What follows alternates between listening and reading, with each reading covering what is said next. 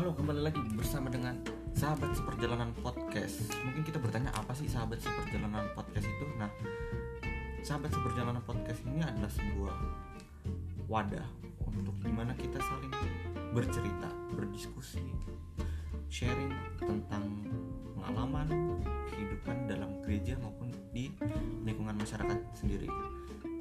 Yang pasti, so stay tune, dengarkan sahabat podcast jadilah sahabat bagi semua orang.